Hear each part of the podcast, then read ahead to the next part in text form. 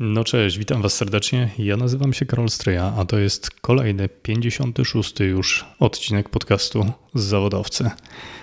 Dzisiaj moim i Waszym gościem będzie ktoś absolutnie wyjątkowy. To człowiek, który w swojej karierze był już ministrem obrony narodowej, ministrem spraw zagranicznych, a także marszałkiem Sejmu. Dla mnie jednak najciekawszy etap jego życia to jego młodość, kiedy jako dwudziestokilkulatek znalazł się w Afganistanie i pracował jako korespondent wojenny.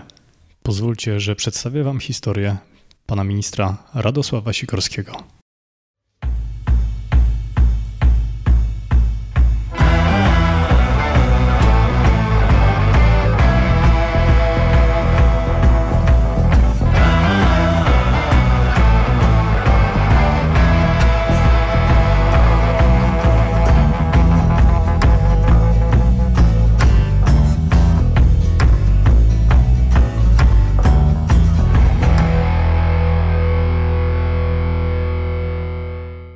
Jest mi niezwykle miło przywitać Pana, Panie Ministrze.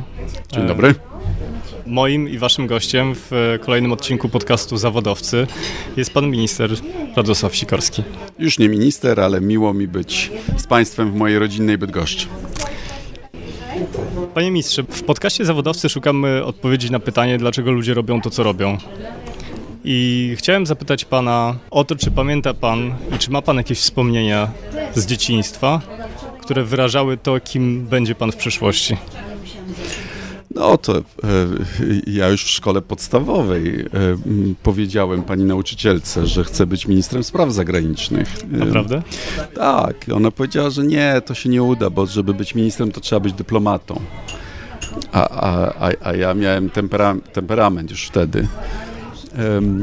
Pomijam fakt, że no, to była głęboka komuna, e, e, a, a u nas w szkole podstawowej numer 20 na Grabowej jeszcze była e, wyjątkowo taka przekonana do doktryny pani dyrektor, więc byliśmy tresowani na wzór taki północno-koreański, w chustach, apele takie wojskowe, no, pełna ideologia, więc no to, że zostanę ministrem spraw zagranicznych w PRL-u, no nie było bardzo prawdopodobne.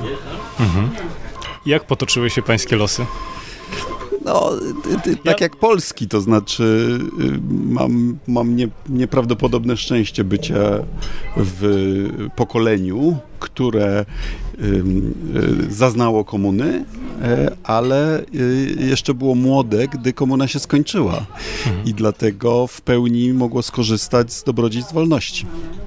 No właśnie, mnie bardzo interesuje e, pański e, etap e, pańskiego rozwoju, który jest związany z Wielką Brytanią i studiami w, w Wielkiej Brytanii.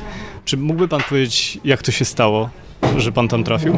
No to trochę łód szczęścia, bo y, nas było wtedy ludzi Solidarności, szeroko rzecz pojmując, y, których zastał w Wielkiej Brytanii stan wojenny, y, około 400 osób.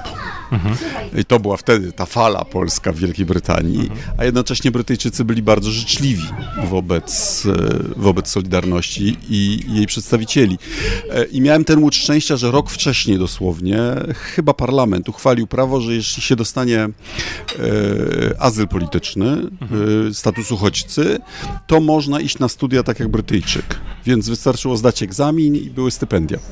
Czyli pan złożył wniosek o azyl e, tak, polityczny? Tak, o status uchodźcy, który został mi przyznany mhm. w 1982 roku. Jak się pan czuł wtedy, jak, jak wyjeżdżał pan z Polski? A wtedy świata. to za każdym razem, jak człowiek wyjeżdżał z Polski, to nie wiedział, czy wróci. Mhm. Bo wyjazd z kraju był przecież wielkim przywilejem. Mhm. Posiadanie, przyznanie paszportu to było coś, o co człowiek zabiegał miesiącami. Mhm. Ja miałem drugi łód szczęścia, znaczy pierwotny tak naprawdę, bo y, dzięki temu, że poszedłem do szkoły od 6 lat, y, co nie było wtedy powszechne, E, w klasie maturalnej jeszcze się nie, nie łapałem na kartę powołania do wojska. O, ciekawe. I dlatego dostałem paszport. Mhm. Pamięta pan swoje pierwsze dni w Wielkiej Brytanii? no w, wtedy podróż do Wielkiej Brytanii to było coś jak dzisiaj by polecieć na Księżyc. O tym myślę właśnie. Do zupełnie innego świata. Po pierwsze, przygotowania do takiej wyprawy to były dosłownie miesiące, bo e, paszport to raz, mhm. ale wiza brytyjska to dwa i rezerwacja biletu na samolot to trzy. Dla nas teraz to niewyobrażalne niemal. No, a, w, a wtedy to kolejki miesiącami przecież to kosztowało. E, płaciło się w złotówkach, a, a, to oznaczało, że za złotówki e, było mało miejsc w samolotach. No i potem co zabrać do tej Wielkiej Brytanii, tak? Ja miałem plecak, e, no i w tym plecaku e, tam konserwy, ale i e, bibuła tutaj od nas z Bydgoszczy bo przypomnę, że w 1981 roku przez parę tygodni mm, Bydgoszcz była polityczną stolicą Polski. W jaki sposób? A tak, po 19 marca, gdy był strajk okupacyjny Wojewódzkiej Rady Narodowej, 19 marca e, e, działacze Solidarności zostali wyniesieni z tego strajku siłą. I, I, to wywołało y, gotowość strajkową w całym kraju. Mhm.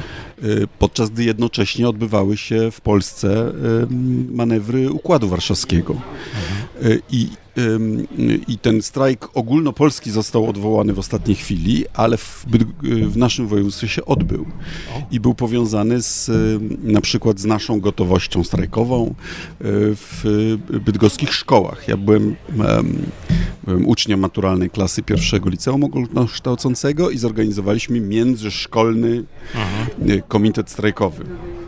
Zresztą pamiętam, że e, e, jednym z sygnatariuszy powołania komitetu jest niejaki Max Kolonko. Naprawdę? Tak, miał odwagę wtedy yy, i, i, był albo w jedynce, albo w szóstce, głowy nie dam. Mhm. Byliście koleg panowie kolegami? Tak, i mam, mam ten protokół jeszcze w, o, w, w, w rodzinnym archiwum i mam też yy, taką plakietkę przewodniczący Komitetu, Komitetu Strajkowego, Strajkowego, którą wykonałem pieczęcią zrobioną z gumki myszki. Całkowicie inne czasy. tak jest. No bo oczywiście pieczątki nie można sobie było zrobić na no tak. mieście. Tak pieczątka była czymś oficjalnym, co, rzadkim. co wymagało zgody jakiegoś urzędu. No więc e, a, a ja w, dochrapałem się tej funkcji dlatego, że Międzyzakładowy Komitet Strajkowy miał swoją siedzibę na ulicy Stary Port, tuż nad Brdą. 300 metrów stąd. Y, I akurat się tak złożyło, że w oficynie tego budynku mieszkała y, moja babcia. Mhm. E, więc tam normalnie nie wpuszczali, no ale ja do babci. No tak. I mnie wpuszczali. I poje, poszedłem tam do, z, z, z, magnetofonem, takim jeszcze szpulowym i, i nagrywałem te um, posiedzenia, między, tak jak wielu reporterów. Ale potem szpule zanosiłem do szkoły i, i, i jakimś cudem pozwolono mi je puszczać z, ze szkolnego radiowęzła. Naprawdę? Tak, wtedy. Bydgoszcz była w stanie rewolucyjnym w marcu 81 roku. To bardzo dobrze świadczy o, tak. o kadrze nauczycielskiej. Tak, tak. tak, tak. O, to, to z tym to różnie bywało, ale, w, ale wtedy już było dobrze, bo wcześniej bywało różnie. Um, niewiele brakowało, bym wyleciał z tej szkoły. Mhm. Za niechodzenie na, na, na, na pochody pierwszomajowe. Mhm. Pani wychowawczyni y, wezwała moich rodziców nawet na dywanik do dyrektora. E, dłuższa rozmowa o, o moich różnych przewinach, a także politycznych, zakończona no, bardzo poważną uwagą pani wychowawczyni. Proszę Państwa, do moich rodziców, zaczynamy podejrzewać, że Państwa syn jest antyradziecki. To rzeczywiście poważna sprawa w tamtym. Na co mój ojciec powiedział: Naprawdę? Niemożliwe. I wtedy już mi dali spokój, bo uznali, że cała rodzina, żółte papiery, mm. że, mhm. że jak to? że już so, jestem stracony dla sprawy socjalizmu. A potem się wszystko przełamało oczywiście. Mhm. No i, i te właśnie postawy ludzkie wobec autorytarnej władzy, mhm. to kto jaką presję wytrzymuje, a kto raczej płynie z prądem i, i dołącza.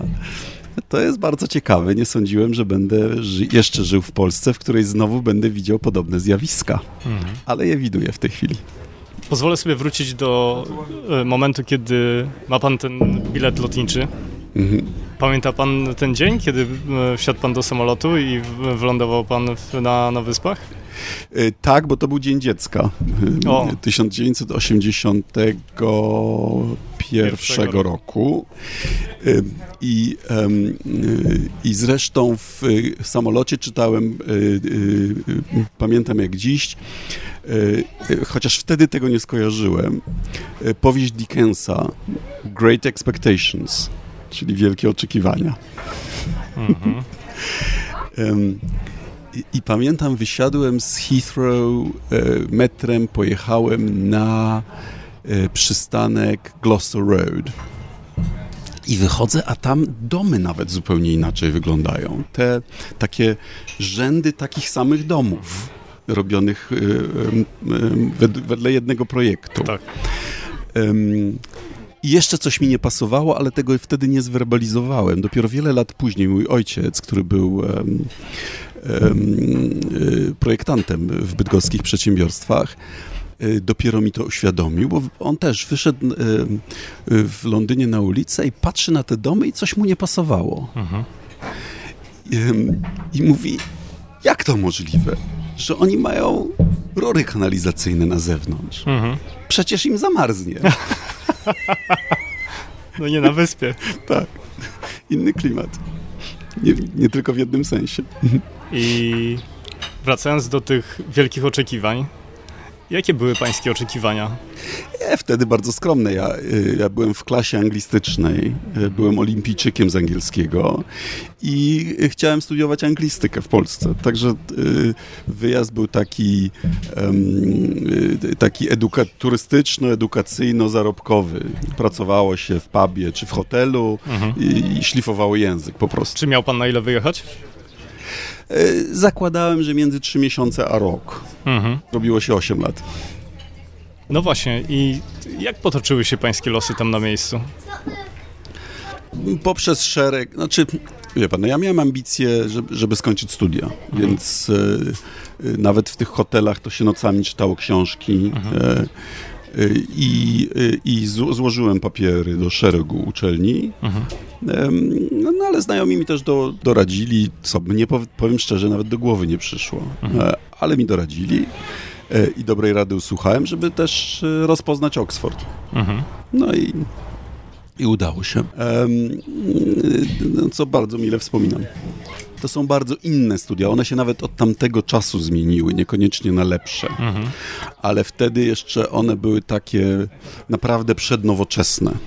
No właśnie, bardzo jestem ciekaw tego, e, tego czasu. Podzieli się pan e, wspomnieniami z, z tego okresu? No przede wszystkim, jak e, ludzie mnie pytają, no a, a, a, a jak, na to na jakie wykłady chodziłeś?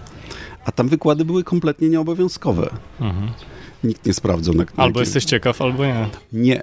Y, tym rdzeniem studiów były spotkania z tak zwanym tutorem, czyli profesorem prowadzącym. Mhm. To jest dla, u, dla ucznia, dla takiego studenta pierwsze na studiach jeszcze licencjacko-magisterskich. Tak. I ja studiowałem filozofię, nauki polityczne, ekonomię. Y, y, wybierało się dwa z tych przedmiotów w, w kolejnych latach. Y, I to oznaczało dwa spotkania z tutorem, mhm. znaczy po jednym z każdym z przedmiotów tygodniowo. Mhm. I I praca z tutorem polegała na tym, że się przygotowywał tak zwany essay, czyli wypracowanie oparte na pracy nie z omówieniami, nie z historią filozofii, tylko na oryginalnych tekstach. Mhm. Więc jak Hume, to Hume, jak Kant, to Kant, jak Wittgenstein, to Wittgenstein, a nie jakieś omówienia historii filozofii. Um, a, a tymi profesorami były światowe autorytety. Znaczy z filozofii na przykład Simon Blackburn, y, czołowa postać y, y, brytyjskiej filozofii języka, a z Hegla zresztą nasz rodek, Zbigniew Pełczyński, światowa, światowy autorytet w dziedzinie Hegla. Czy z ekonomii Ken Mayhew, czy z nauk politycznych szereg innych profesorów. Skądinąd po raz pierwszy na Oksfordzie spotkałem prawdziwego marksistę. O, ciekawe. Tak, bo Marx był, Marx był częścią y, y, programu nauczania. Mhm. No tylko, że Marx traktowany nie jako obowiązująca doktryna, tylko jako, teoria. Jako filozof. No tu miałem przewagę nad brytyjskimi kolegami, bo się zaprzyjaźniłem z, y, z Leszkiem Kołakowskim, który, który zresztą chyba miałem z nim kilka tutorialów który był z kolei światową, światowym autorytetem w dziedzinie e, marksizmu po jego po opublikowaniu e, jego słynnego trzytomowego dzieła Główne nurty marksizmu. Poza tym sama struktura brytyjskiego uniwersytetu jest inna. Uniwersytet jako taki zajmuje się tylko po części rekrutacją i egzaminami. Całe życie studenckie jest związane z konkretnym koledżem. Mhm. A to są twory, które pierwotnie były klasztorami y, zakładane przez swoich fundatorów, każdy wokół takiego dziedzińca, z trawnikiem, ze swoim refektarzem, ze swoją kaplicą, ze swoim dormitorium, y, sypialniami dla studentów, każdy ze swoją zupełnie inną historią. Tak i były te, te najstarsze z, y, y, małe koledże, duże koledże, około 30 w sumie. Mhm. Ja należałem do takiego, y, do Pembroke College z XVII wieku. Ta, ta, takiego w środku stawki mniej więcej, mhm. jeśli chodzi i o wielkość, i o starożytność, który bardzo mile wspominam. Jak zmienia takiego młodego człowieka studiowanie na Oksfordzie? Na Oksfordzie uczą myśleć, nie wkuwać, a myśleć. E, I szczególnie cenię sobie studia filozofii, szczególnie właśnie te brytyjskie, bo one polegają na odcedzaniu sporów werbalnych od sporów prawdziwych mhm. i na szanowaniu każdego słowa bo całe studia są przygotowaniem do egzaminu końcowego, który polega na tym, żeby maksimum swojej wiedzy i swoich koncepcji, swojego, swoich, swojej zdolności myślenia przelać na papier w, w minimum czasu, mhm. znaczy w czas zadany, czyli tak. 3 godziny. Um, i, I, to, to nie jest łatwe i to jest bardzo wielka dyscyplina. Mhm. I myślę, że to mi pomogło potem w dziennikarstwie. To mi do dzisiaj pomaga w formułowaniu takich zwięzłych y, tekstów na Twitterze. No właśnie, w jaki sposób ten student wpada na pomysł, żeby e, polecieć do Afganistanu? No to nic y, oryginalnego. To, to może nawet trudno sobie dzisiaj to wyobrazić, ale wtedy to było dość powszechne marzenie chłopaków w moim wieku. No bo w Polsce Solidarność zniszczona.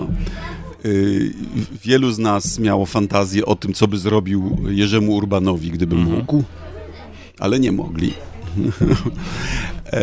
No i, a tam w Afganistanie regularna wojna z komunizmem.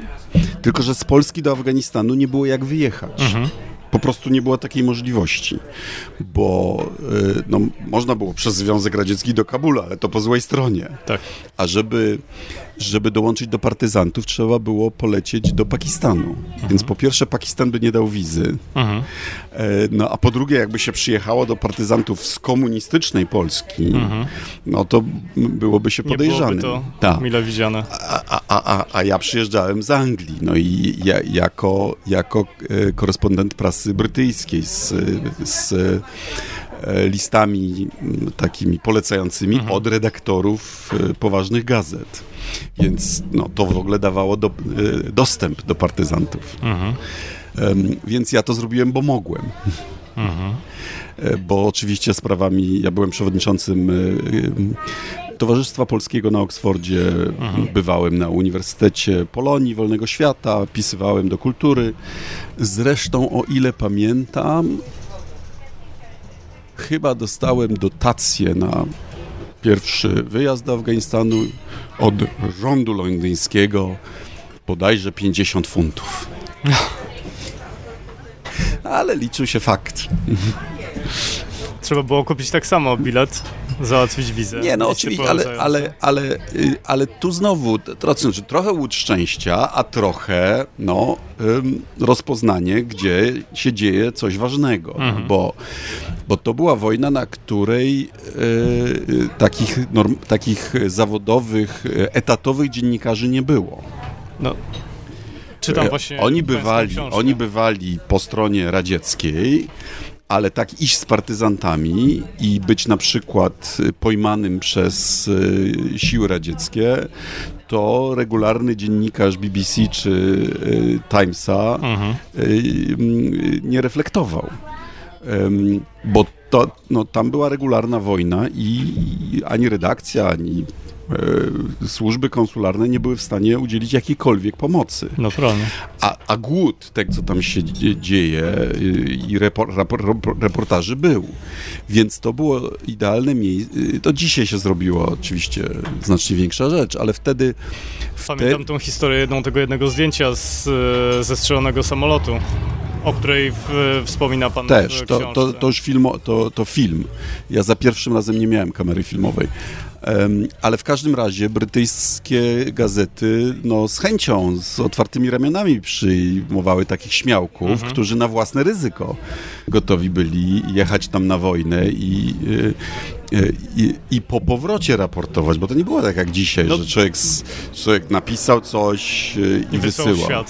Czy trzeba było jechać do Pierwsza podróż to była do do miejscowości Jagdalek, no, przy granicy, y, paręnaście kilometrów wewnątrz, może parędziesiąt wewnątrz Afganistanu, no to trzeba było jechać, tam pobyć z partyzantami, zobaczyć jakąś akcję, wrócić do Peszawaru i, i, opisać, i, i, spisać to i, i wysłać. Jeszcze nie było e, internetu. Zatem za w 86 Y, może już istniały, ale ja nie byłem świadom istnienia faksu. E, więc, więc y, korespondencję nadawało się e, dyktując. Znaczy, redakcja dzwoni, tak. dzwoniła i był cały dział y, tych, y, no, jak to się y, mówi? Trans, transkrypcja? E, ale, ale oni tymi skrótowymi znakami pisali. Stenotypiści. Stenotypiści. I oni po prostu się nadawały, się, się mówiło i oni mhm. to spisywali. Za drugim razem było jeszcze ciekawiej, bo, bo um, z jakiegoś powodu Afganistan jest na, um, na wtedy był przynajmniej w tunelu samolotów, chyba między Europą a Indiami.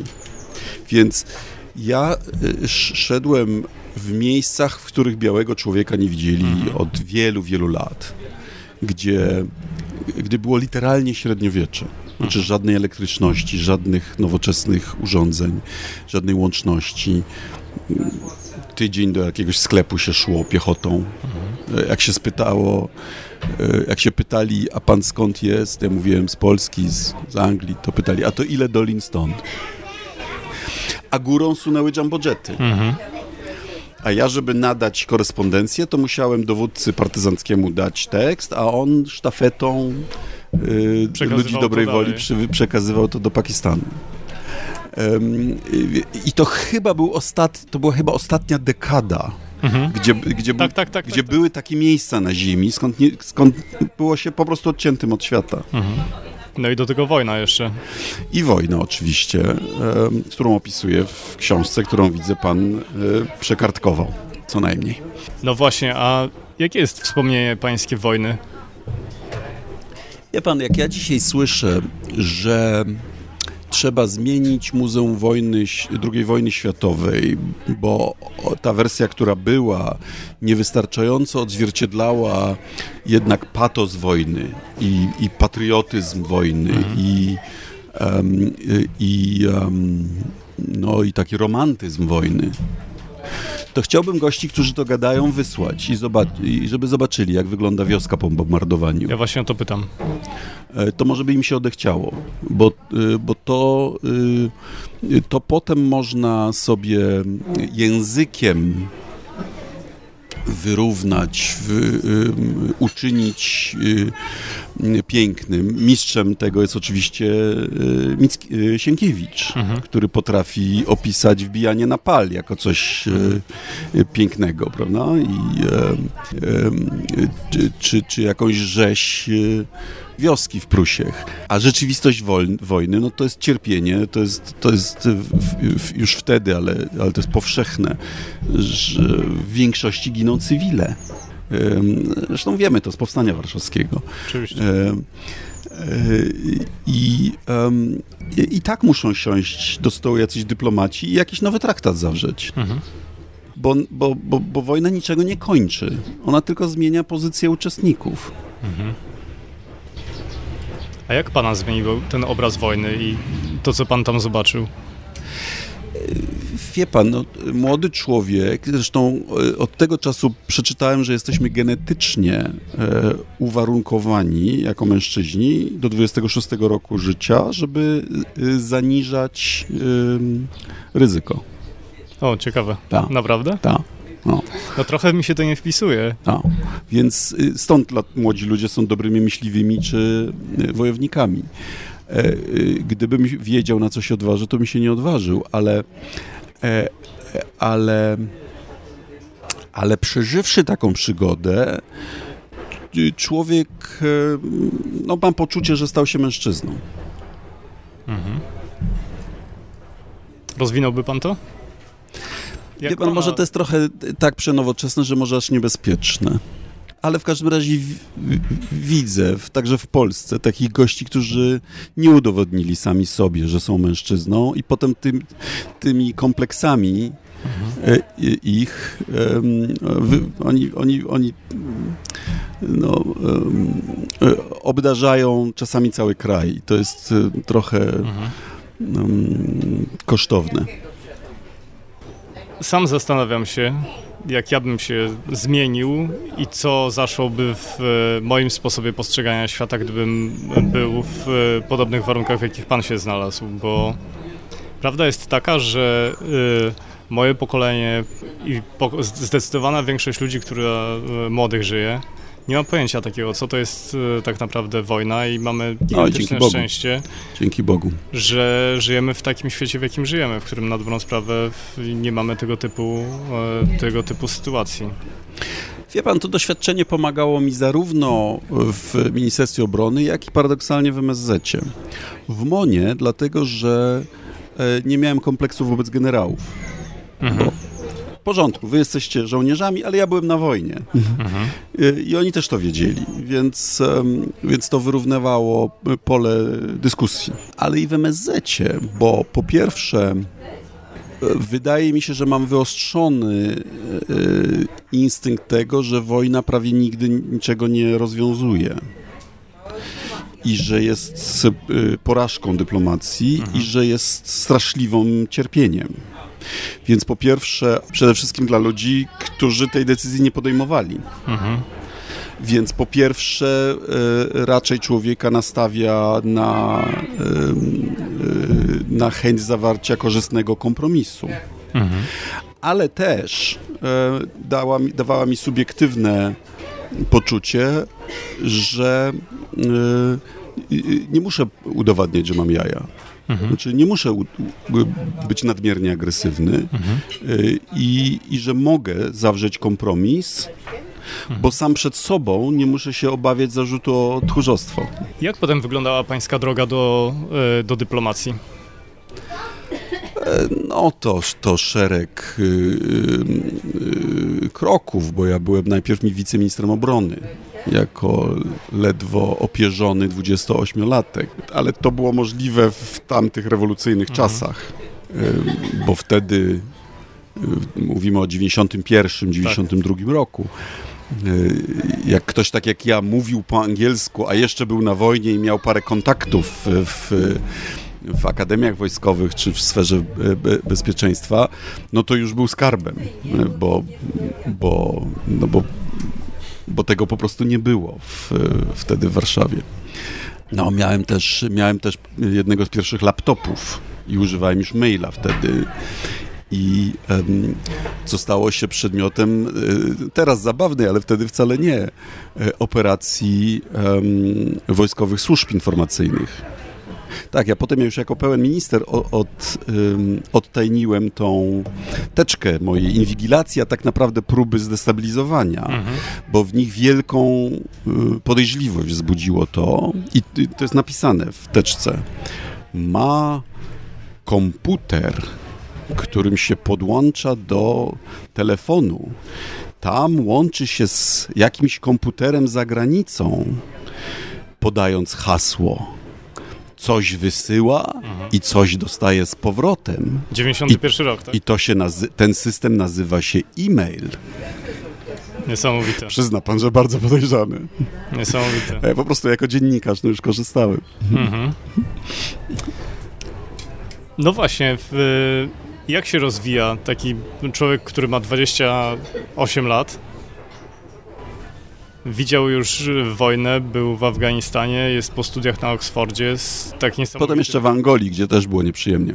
Ja miałem niezły rok 89 bo w lutym byłem na, w Afganistanie, mhm. ostatni raz tak na wojennie. Bo dwa razy był pan w Afganistanie. Nie, nie, ja byłem trzy razy na wojnie. Mhm. E, e, i, I byłem na przedmieściach Kabulu, ostatnie sowieckie czołgi się wtedy wycofywały. I wiosnę spędziłem w Angolii, mhm. w Buszu, e, trzy miesiące e, i widziałem ostat... jeden z ostatnich bitew tamtejszej wojny domowej. W sierpniu już wróciłem do kraju, e, więc widziałem zaprzysiężenie mazowieckiego.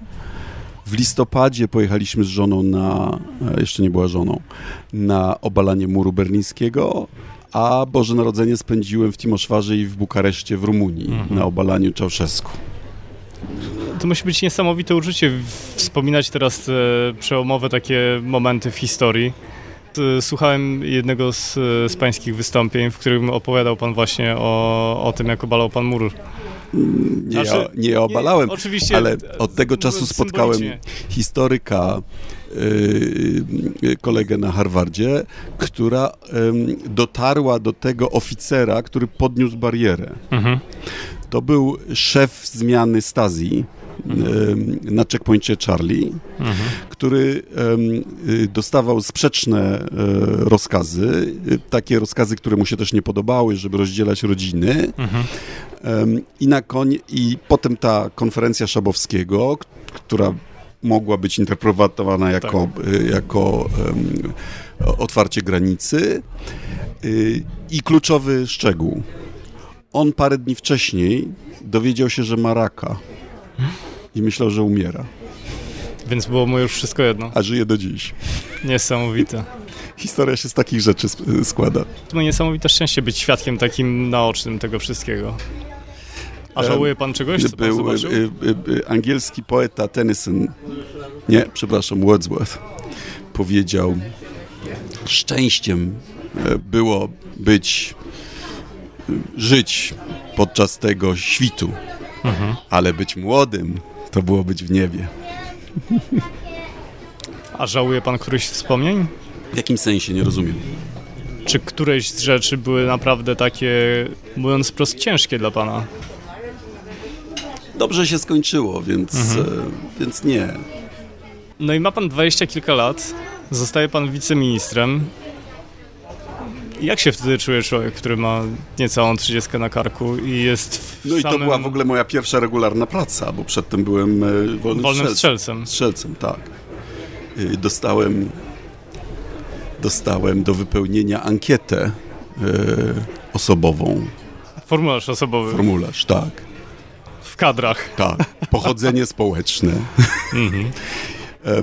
No, i urzędowałem w takiej willi w na Klonowej, chyba tam, gdzie dzisiaj Macierewicz urzęduje, już nie będąc ministrem. Mhm.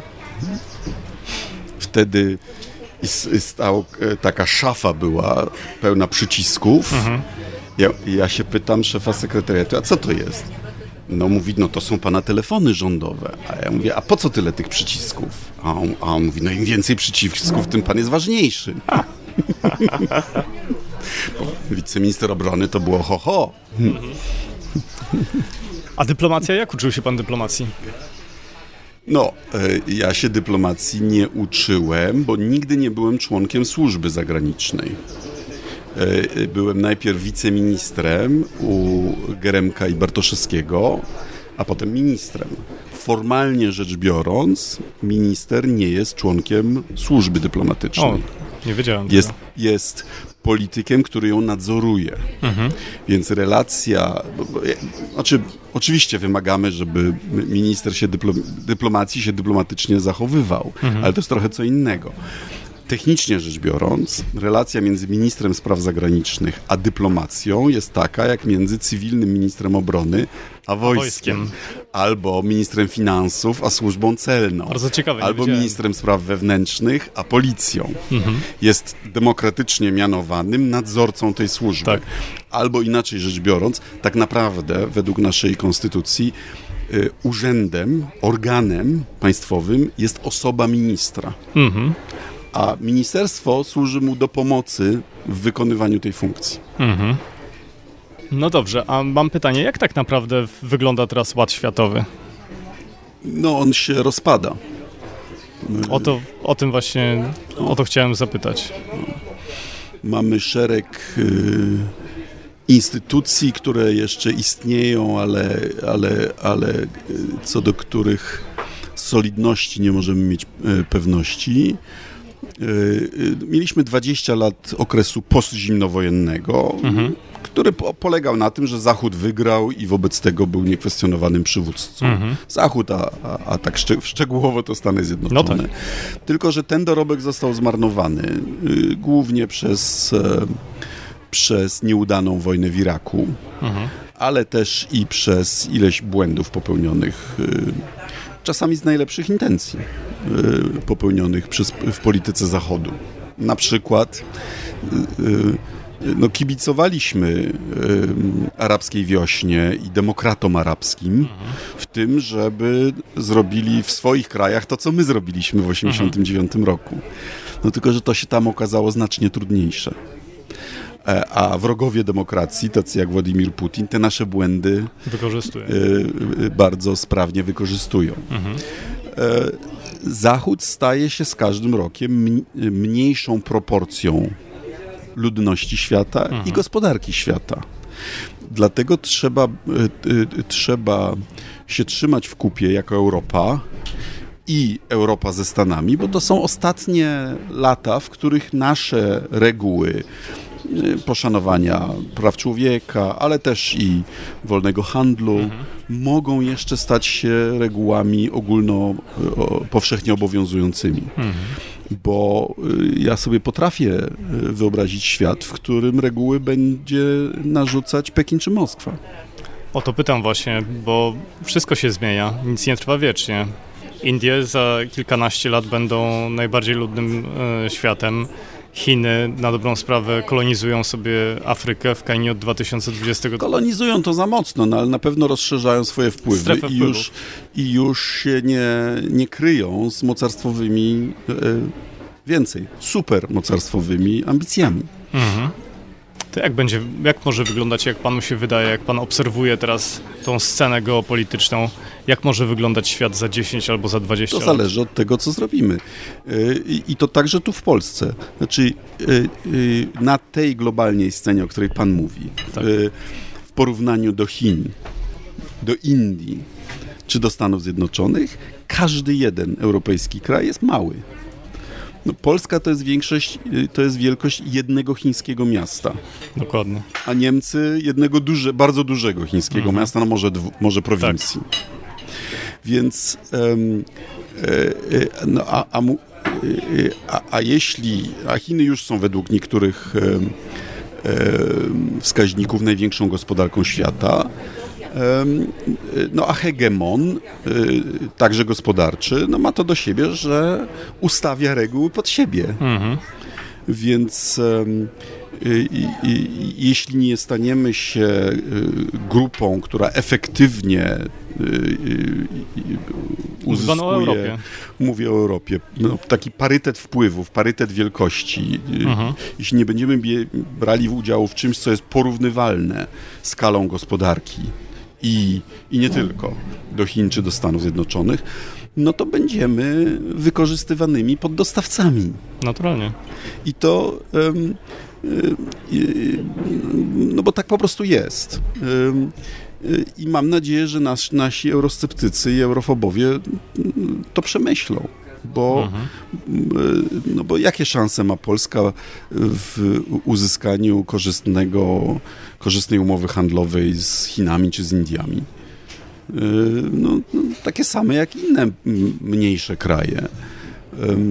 Natomiast jako Unia Europejska, no to, to póki co jeszcze możemy na każde sankcje czy na każdą niesprawiedliwość odpowiedzieć pięknym za nadobne. Mhm. Ale chce pan powiedzieć, że w takim razie, bo teoretyzujemy oczywiście, rozumiem, że zakłada pan, że ta dominacja Chin będzie rosła, tak? No, tam są oczywiście, jak w każdym rosnącym supermocarstwie, jak w każdym wielkim kraju, są też napięcia wewnętrzne. Mhm. Mówi się o gigantycznych, złych kredytach w, system, w chińskim systemie bankowym. I taki, taka stachanowska szarża na rozwój poprzez budowę mhm. infrastruktury bardzo często w historii kończyła się y, przegrzaniem y, i kryzysem zadłużenia. Y, ale druga prawda jest taka, że nawet jak to się skończy z kryzysem zadłużenia, no to tą y, pierwszorzędną, y, najnowocześniejszą na świecie infrastrukturę już zbudowali. Mhm. Już mają więcej kolei szybkiego ruchu niż cała reszta świata razem wzięta mają najnowocześniejsze lotniska, stosują już na dobre i na złe sztuczną inteligencję i, i Być 5G. może wybudują nowy jedwabny szlak i budują coś, co jest, się nazywa jedwabnym szlakiem, a de facto jest próbą oskrzydlenia, uniknięcia amerykańskiej dominacji na oceanach. Dokładnie. Właśnie czytałem kiedyś bardzo ciekawą książkę i tam właśnie dominacja światowa była wyjaśniona w, właśnie na podstawie handlu w, i komunikacji morskiej. Tak, przedtem e, królewska marynarka brytyjska, a teraz tak. te 13 grup lotniskowców od, od, od prawie 100 lat zapewniały... I przewaga na morzu. E, zapewniały e, wolność handlu światowego, ale to też oznaczało, że dawały Amerykanom pierwszeństwo w ustalaniu reguł. Mhm. A teraz wszystko się zmienia. A teraz albo dokooptujemy Chiny do, tego, do tych instytucji, które stworzyliśmy jako Zachód, Y, ale trzeba się posunąć i dać im miejsce, z którego będą y, mhm. zadowoleni. Y, albo oni stworzą własne instytucje, co już, co już po trosze robią. O jakich instytucjach mówi pan teraz? No, Stany Zjednoczone po II wojnie światowej stworzyły Bank Światowy, stworzyły Międzynarodowy mhm. Fundusz Walutowy. No a dzisiaj Chiny tworzą Azjatycki Bank Rozwoju, ten właśnie, tak. który finansuje projekt y, pasa i szlaku, no, który też ma gigantyczne środki. Mhm. A my w Europie z kolei mamy Europejski Bank, Bank, Inwestycyjny, który jest cztery razy większy od Banku Światowego, mhm. mimo nazwy. No więc my jako Europa, jako Europa też jesteśmy w tej grze. Mhm. Jako Polska w niej nie jesteśmy. Jasne. Zastanawiało mnie jedno pytanie. Gdyby miał pan robić coś zupełnie innego niż to, czym zajmuje się pan teraz, to kim by pan został? Gdyby babcia miała wąsy. Nie zastanawiam się w tej chwili. No, po studiach na, w Anglii, no to większość moich kolegów została Yy, yy, poszła do City pracować w bankach inwestycyjnych. Oczywiście mhm. są bogatsi ode mnie ale czy najlepszym użyciem y, talentów ludzkich jest, y, jest manipulowanie tymi tam y, przepływami finansowymi? To, to się też teraz zmienia. Co do tego nie jestem przekonany. E, e, tak, powinno się zmienić. Znaczy ten przemysł finansowy stał się zbyt dużą częścią gospodarek zachodnich mhm. e, i też spowodował zbyt wielkie nierówności. Dawno się nad tym nie zastanawiałem, więc tak od razu nie potrafię panu powiedzieć. No nie byłbym, chyba nie zostałbym księdzem, chyba nie zostałbym hokeistą. ale na pewno nie ale pianistą. pisanie to też jest coś, co... E, co no tak, dziennikarzem mogłem. Gdyby, gdyby nie upadł komunizm, to, to zostałbym dziennikarzem. Mhm. A mam jeszcze takie pytanie organizacyjne i techniczne. W jaki sposób archiwizuje Pan wspomnienia? Czy prowadzi Pan coś w stylu dziennika? Próbowałem, będąc ministrem, ale człowiek jest tak e, wykończony pod koniec dnia, że już nie mhm. starczało mhm. sił. E, natomiast samo posiadanie kalendarza już było pomocne, bo, mhm. bo człowiekowi się sekwencja wydarzeń przypominała i po prostu sam fakt ich od, y, zdarzenia. Um, Wie pan, jak ministrowi jest trochę łatwiej, bo wiele y, z y, jego działań jest oczywiście w domenie publicznej. Mhm. Więc expose y, sejmowe, czy przemówienia międzynarodowe, czy spotkania międzynarodowe, to wszystko jest w domenie publicznej. Ciekaw byłem w kontekście też tej książki, bo ta książka ma mnóstwo szczegółów, detali dotyczących, nie wiem, nawet ubrania, faktury, koloru i tak dalej. I zastanawiałem się, w jaki sposób pan e, po prostu te informacje... Niektóre rzeczy się pamięta. Pomocni byli, byli współpracownicy oczywiście z rzecznikami y, prasowymi na czele. No, to są częściowo anegdoty, które się po prostu opowiadało i dlatego się zapamiętało. Panie ministrze, bardzo serdecznie dziękuję za ten czas spędzony przy mikrofonie. Dziękuję. To była gigantyczna przyjemność. Dziękuję, że podzielił się pan swoją historią. Dziękuję, zapraszam wszystkich do pięknej Bydgoszczy. Dziękuję bardzo. Mm, słuchajcie, wielkie, wielkie dzięki, że dotrwaliście do samego końca tego odcinka. Ja tymczasem chciałem Wam tylko podziękować za to, że jesteście, za to, że słuchacie, za to, że odzywacie się również i jednocześnie poprosić Was, żebyście robili to częściej. Będzie mi super miło.